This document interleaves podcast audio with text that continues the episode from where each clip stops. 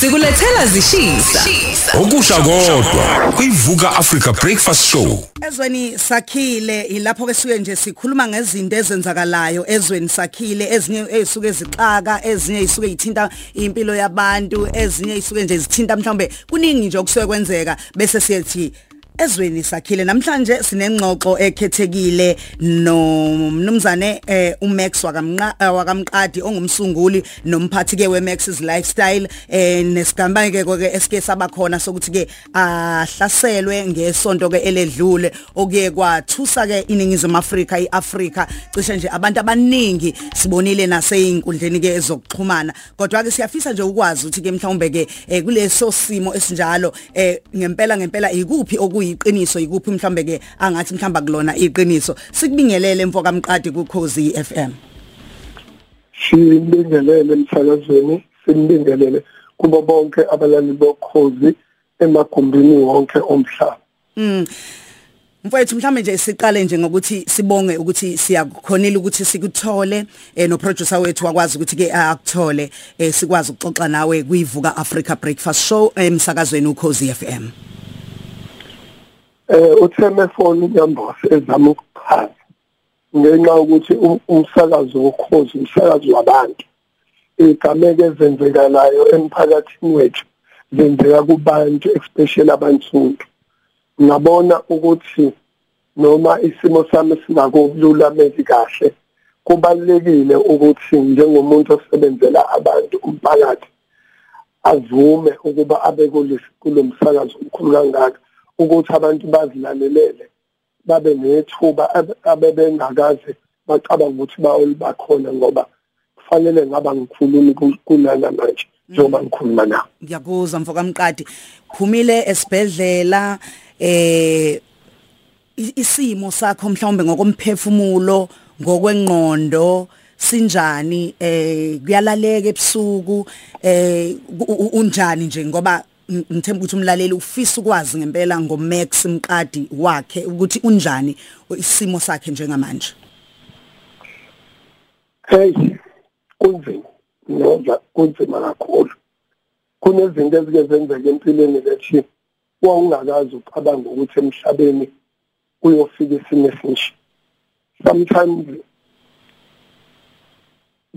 inkinga yami edala ngingalali ukuzibuza imibuzo engenawo ama-answer ngiyibuza ukuthi yini le bengaka bengenzile ebengeke ikhulumeke kulo thatha isinqumo wathumela labo bantu bathumelile ngiyibuza ukuthi ngazi lo muntu bacabangelile yini abantu?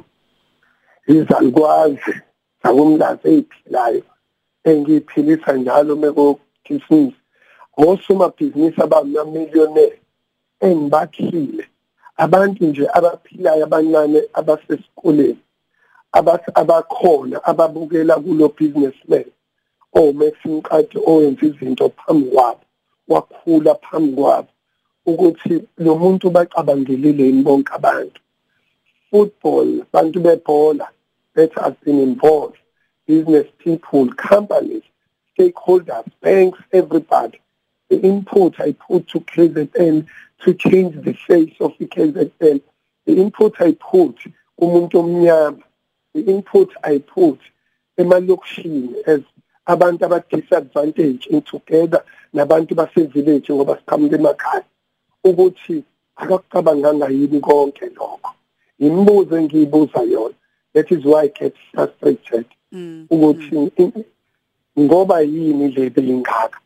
Ebezathi namhlanje ngifuna kuphele ngalomuntu ngiyiqede le jini okay yiyo into enza ukuthi ubuthongo bungafiki sometimes bekungcono ngifile kunokuphila ngoba nginama question angaphenduleki ukuba ngifile ngabe ngidabukela ofele ngoba mina ngabe ngiphumulile Mm. Uma mhlambe singake sithi ukuhlehla nje kancane sibuyele emuva. Eh mfoka mqadi ukuthi usuku lwakho lwangalalwelanga mhlawumbe walibona kanjani? Omunye umuntu uyathi uyathi yazi igazi langitshela nje. Eh ukuthi ngathi khona into ezokwenzeka. Athi omunye yazi angizwanga lutho nje ngabona ngoba sesenzeka isigameko. Mhlawumbe kwenzekani? Eh usinikeze nje sonke nje isithombe. Mhlambe uma kuthi ngekhathi sekuseni khona wakwakuzwa mhlambe waba naleyo mizwa ethile uma waba nayo. Kanti ke mhlambe nangalesi sikhathi sekwenzeka ke kwenzekani nje? Awusichazele. Eh mina ngumuntu omnyama okholelwa kakhulu kumasiko ngoba siphusi sifike eThekwini siqhamuka emakhaya ahlukene. Sinabantu bakithi abasibhekile nenyanya esikhole khona nezimfundiso esikholelwa kuzona emakhaya. Ngumuntu owazi owazalwa kuthiwa umbethe nomuntu owazalwa iclose kuma wakhe so ngaso sonke isikhathi izinto ezenzeka empilweni yami kuyitsheni abantu abangayazi ngiyayiphupha futhi ngaso sonke isikhathi my mother always uhlele khona uma wami ongizalayo uma ngcobo hmm. ngaso sonke isikhathi noma kuzoba nempumelelo kuhleli kuzofika yena inje in in 2 weeks ulandelana ngike ngaba naye nje. Engathi uhlele ekhaya kumnandi xoxa zonke lezo zinto. So kwesikhathi ke kuya abantu abadala bangangivuleli inkembi uvesane bakuvizithele nje. Mhlawumbe basuke bekuvizithele with the aim yokuthi isesikhathi obadinga ngaso fanele babe nawe ngoba bona basuke basazi izinto ezizokwenzeka kuwena ungazazi basuke bekuvizithela mhlawumbe ukuthi ngiphephile nje yingoba wangivizitha uma wami ongizalayo ephupheni. The day kwenzeka into. It was a normal test day as every Thursday normally I see companies aba stakeholders esisebenza nabo abafikayo meeting bangi-arrange ama meeting eh normally ngivuka ekuseni from my house ngiye ejimini I train every day before ngiqala usuku lami. Ngafika emsebenzini it was normal day. Until waqala ke sekuyoshonela angabethi is i-problem la yaqala khona. Sekufika abantu abaningi about 10 of people that shows by the cameras i saw these cars coming. I was top on the vip zazihla ngoba mo vip you can see the eyes. Eh akwazi ukubona yonke into enzeka lapha i saw these cars in and out so many people in the cars i questioned but inside myself why these cars standing there why these people coming outside because around Maxi Lifestyle is safety corner and there's a lot of cameras is another level. So you, you, it's easy to notice anything because there is nobody allowed to stay in the car or stand outside there. irule yakhona nje ama-customer khona ayakwazi lokho. Today azokubona ukuthi ungani hleli kuthiwa musukuma la musukuhlala emotweni they will see. So it was a normal day kufika i-security yantambama and these people they was in and out in and out trying engathi khona izinto abazenzayo taking pictures. Well it's a tourist attraction. Yeah. everybody uthatha iy'thombe akunakeki. Kodwa noticeable ukuthi these people bayi-group there are so many but abakhombisi benzani? Because normal ama-tourist ashuthe iy'thombe ngaphandle umlazi idebhene shuthe infrastructure angene ngaphakathi athende aphume sehamba so it was not a busy day. The time sengihamba that's the time eyaqala. There was a man who was standing next to the stop street. Mhlambe mhlambe mqadi nje lapho umngathi uyichaza kahle mhlambe sizwe kahle ngesizulu ngaleso sikhathi ke kwese kwenzekani okay ngalesi kwenzeka singimeka u-step street kwaba nomuntu wayengaphesheya komgwaqo u-step ngizojika sengigoduka i saw nomuntu ejomba ecross umgwaqo eza kumina straight wadonsa isibhamu la ngaphambili kwesomphambili wendoda wadonsa isibhamu and shot me. Ngesikhathi engidubula i go down wabuyela ka-left. Ngazi babe u2 wayifaka i think it's about 15 bullets. In close range wasifaka. Ngalala phansi wayifaka. Ngangiphethe ifoni esandleni saka left. Ngesikhathi ngilala saphakama isandla washaya isandla so that bullet was gone to the head. Washaya sesibili yabhajwa kwi-iphone le ebeyithenda eyesibili. Enye yangishaya ethangeni enye yangishaya esandleni enye yangishaya la but I, I become calm and focused and understanding ukuthi now I need myself and my God and nenyanya zakithi. Now is the time of me. Isikhathi sami sokuthi ngenze umsebenzi nami wami noma bengilekelela nami fanele ngenze something.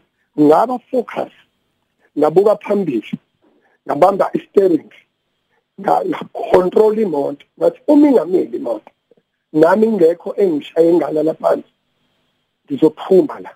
And uNkulunkulu engimkhonzayo isho ngilikhonzayo izongisiza ngizophuma.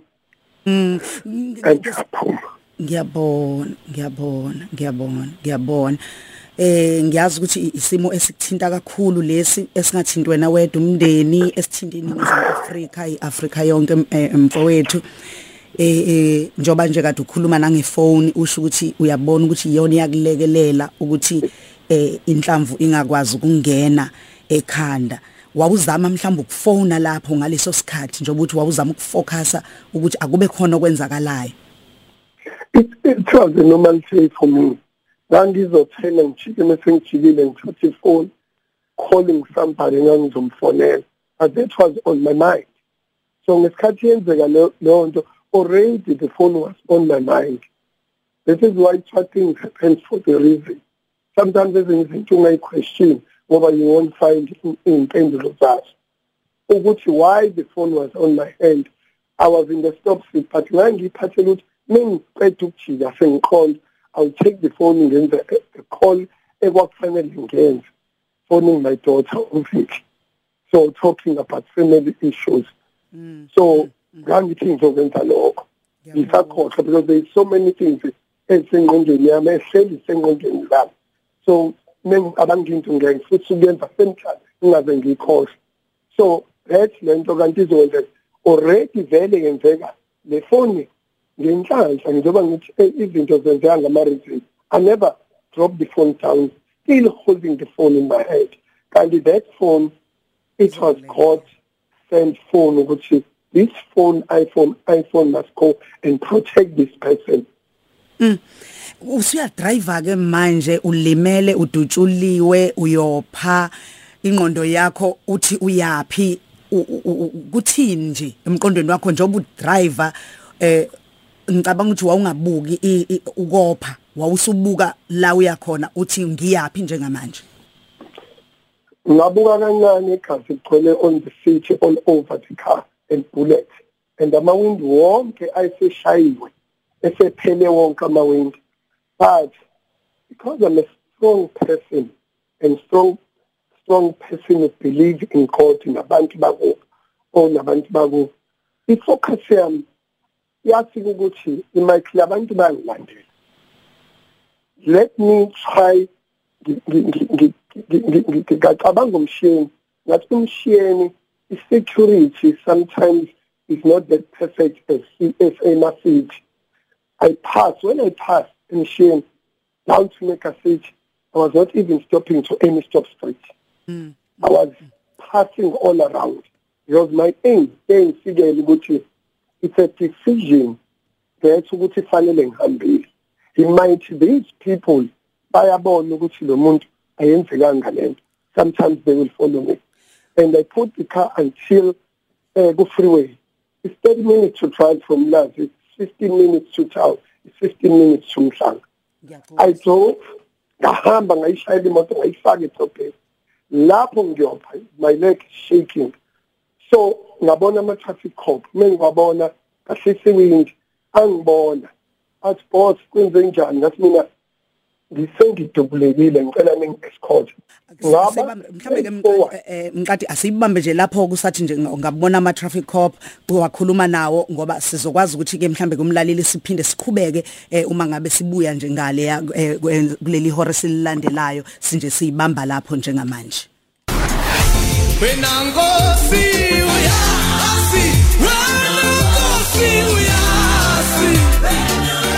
Nakuthi noye nakuthi akuphela mazomsika